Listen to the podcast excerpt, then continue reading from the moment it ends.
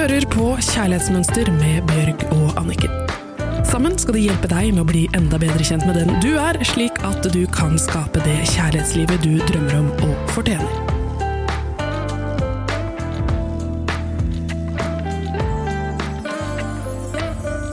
Velkommen i dag til et tema som handler om at min indre dialog skaper min ytre verden. De viktigste ordene er de jeg sier til meg selv. Grunnen til at vi tar det opp, er fordi at vi har fått inn et spørsmål fra en stakkars jente som har hatt kjærlighetssorg i tre år. Og hun lurer på om hun noen gang vil møte en ny mann.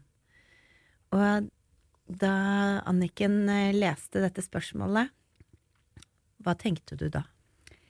Hun sa jo også at hun var redd for å aldri få oppleve å bli elsket igjen. Og det vi skal snakke om i dag, er altså at mitt liv blir slik jeg snakker til meg selv.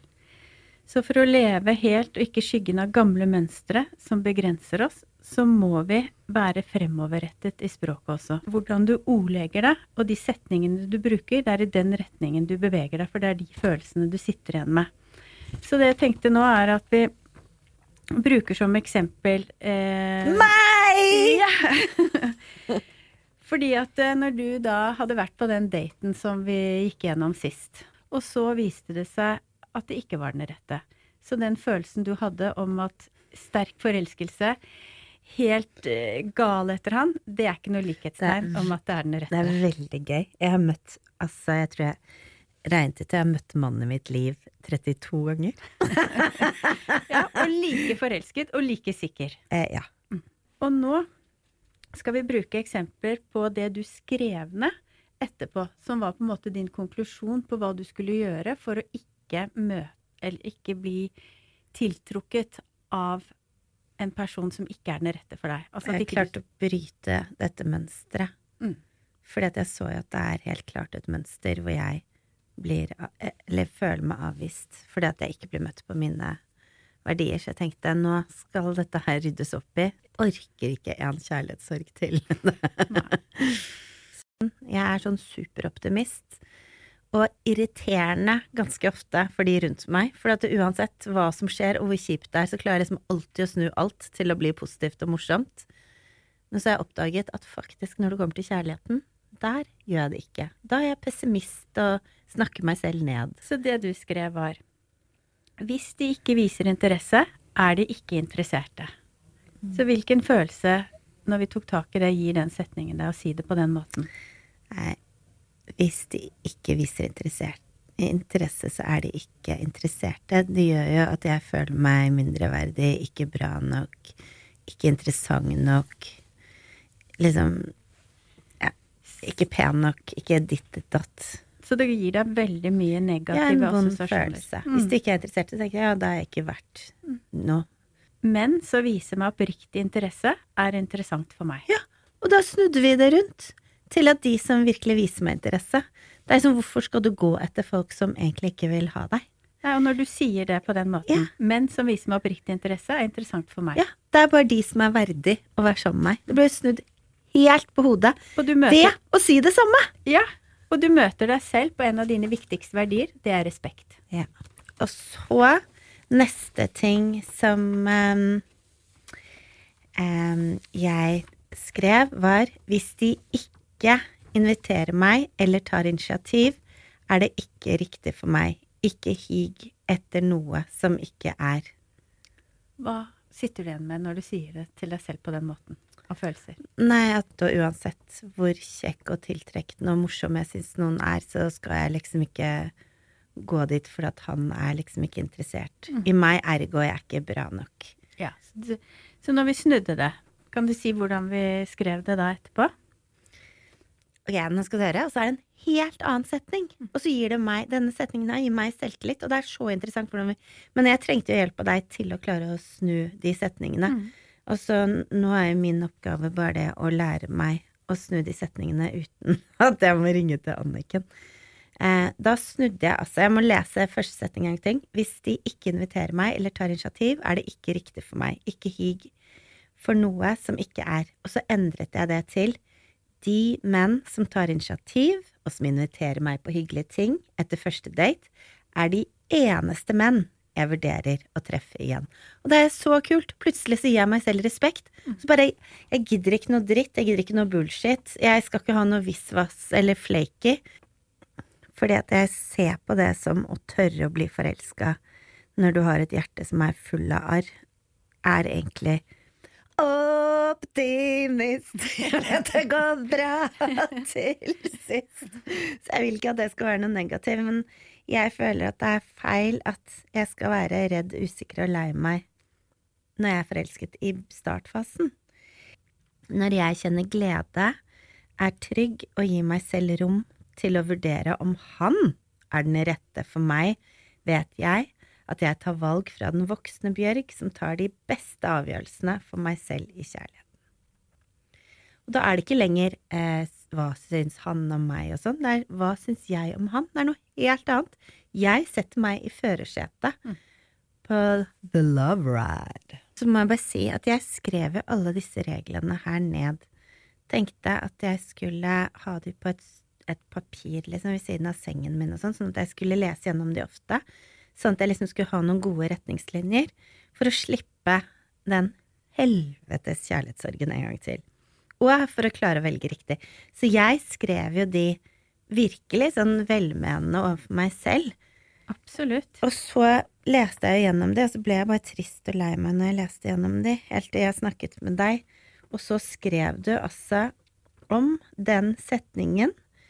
Selv om jeg tror at det er mannen i mitt liv, er det ikke det hvis han ikke få meg til å føle meg som dronning, og det fikk du til å skrive om til Hør på forskjellen nå.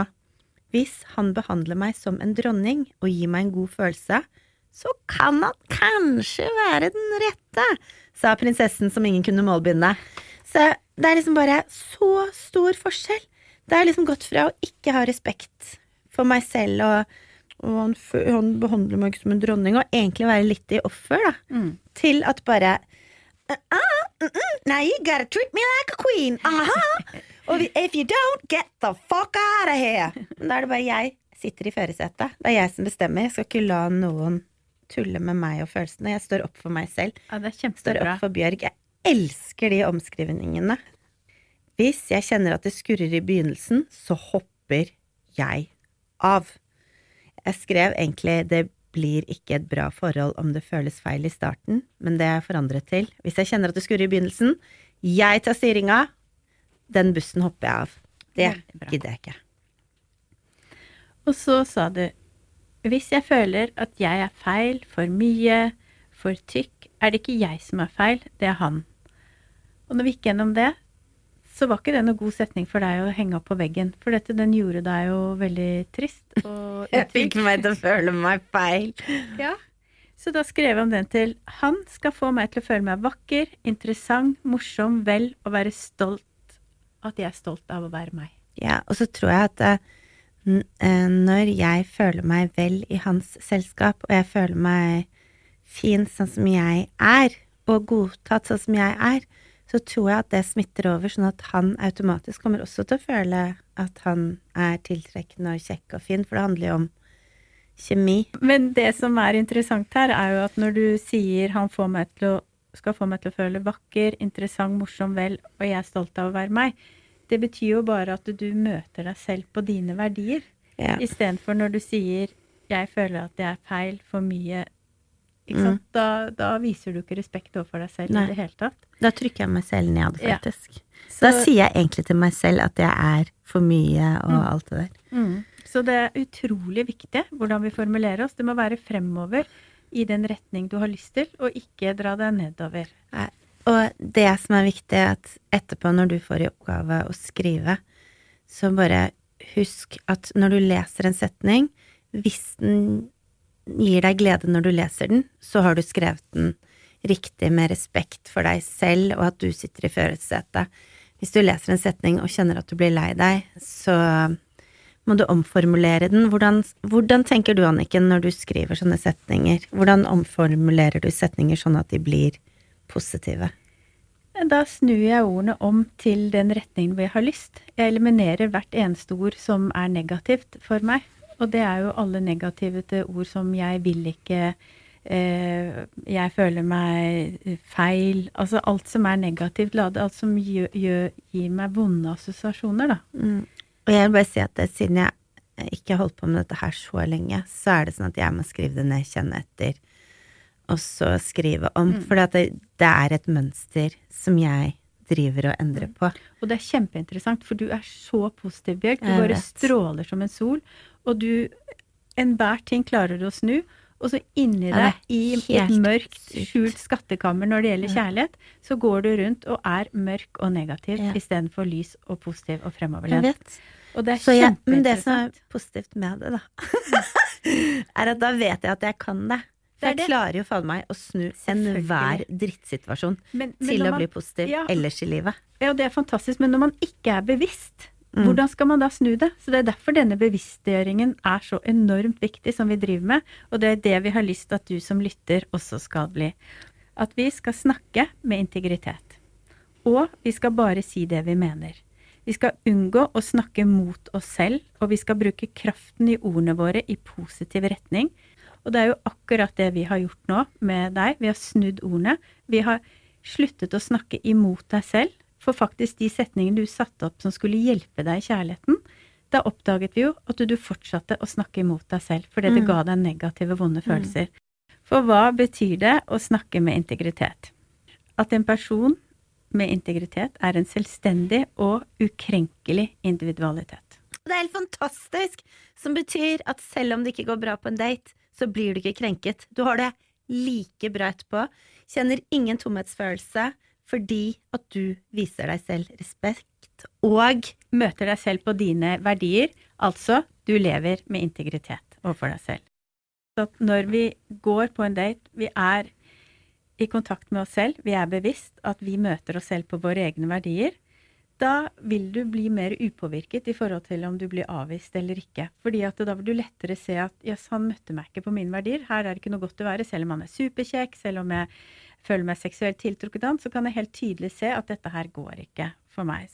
Det er veldig vakkert, da. Det er en slags å vise seg selv omsorg og kjærlighet. Det er sånn hei, vesla, vesle, her har du det ikke noe bra. Mm. Kom, så går vi istedenfor jeg skal gjøre alt for at han skal like meg, jeg må bare gi og gi og gi, og til slutt så gir han kanskje noe tilbake. Da ser jeg sånn som de sier i Kristiansand, hva skal du med han?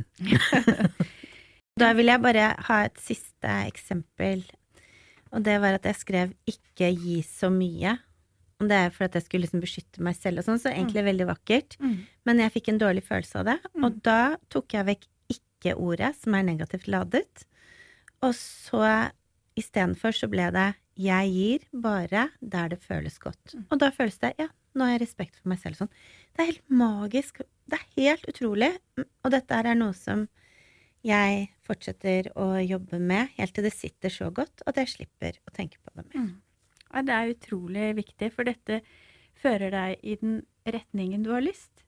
Du er jo lys, og du er positiv, og du vil treffe et menneske som er like sjenerøst og som du kan gi. Så for deg blir det feil å si 'ikke gi så mye', for du er jo ekstremt raus og sjenerøs.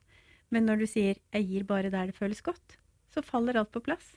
For da kan du være deg 100 Takk, Anniken. Og det vil vi også si til den nydelige innsenderen som sendte oss det spørsmålet om uh, den kjærlighetssorgen kom til å gå over, og om hun noen gang kom til å møte mannen i sitt liv. Selvfølgelig så gjør du det.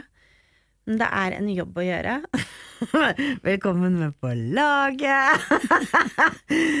Eh, det tar tid, og det tar krefter, og det tar bevissthet.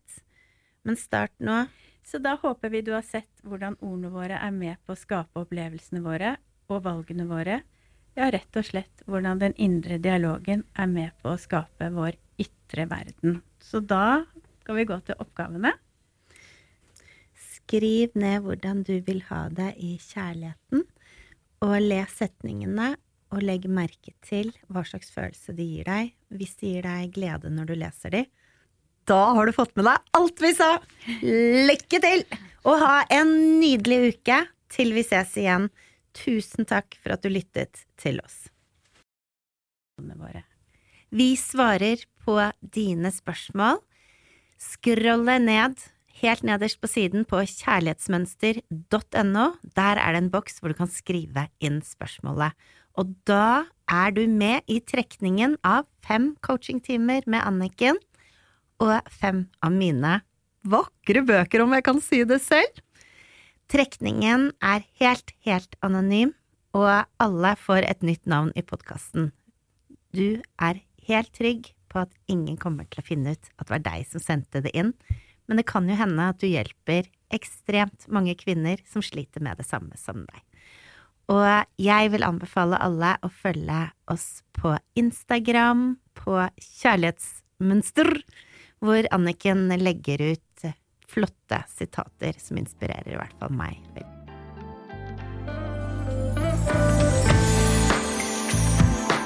Du hørte akkurat podkasten Kjærlighetsmønster.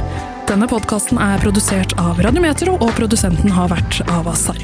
Hvis du vil lese mer om kjærlighetsmønster, så gå inn på kjærlighetsmønster.no.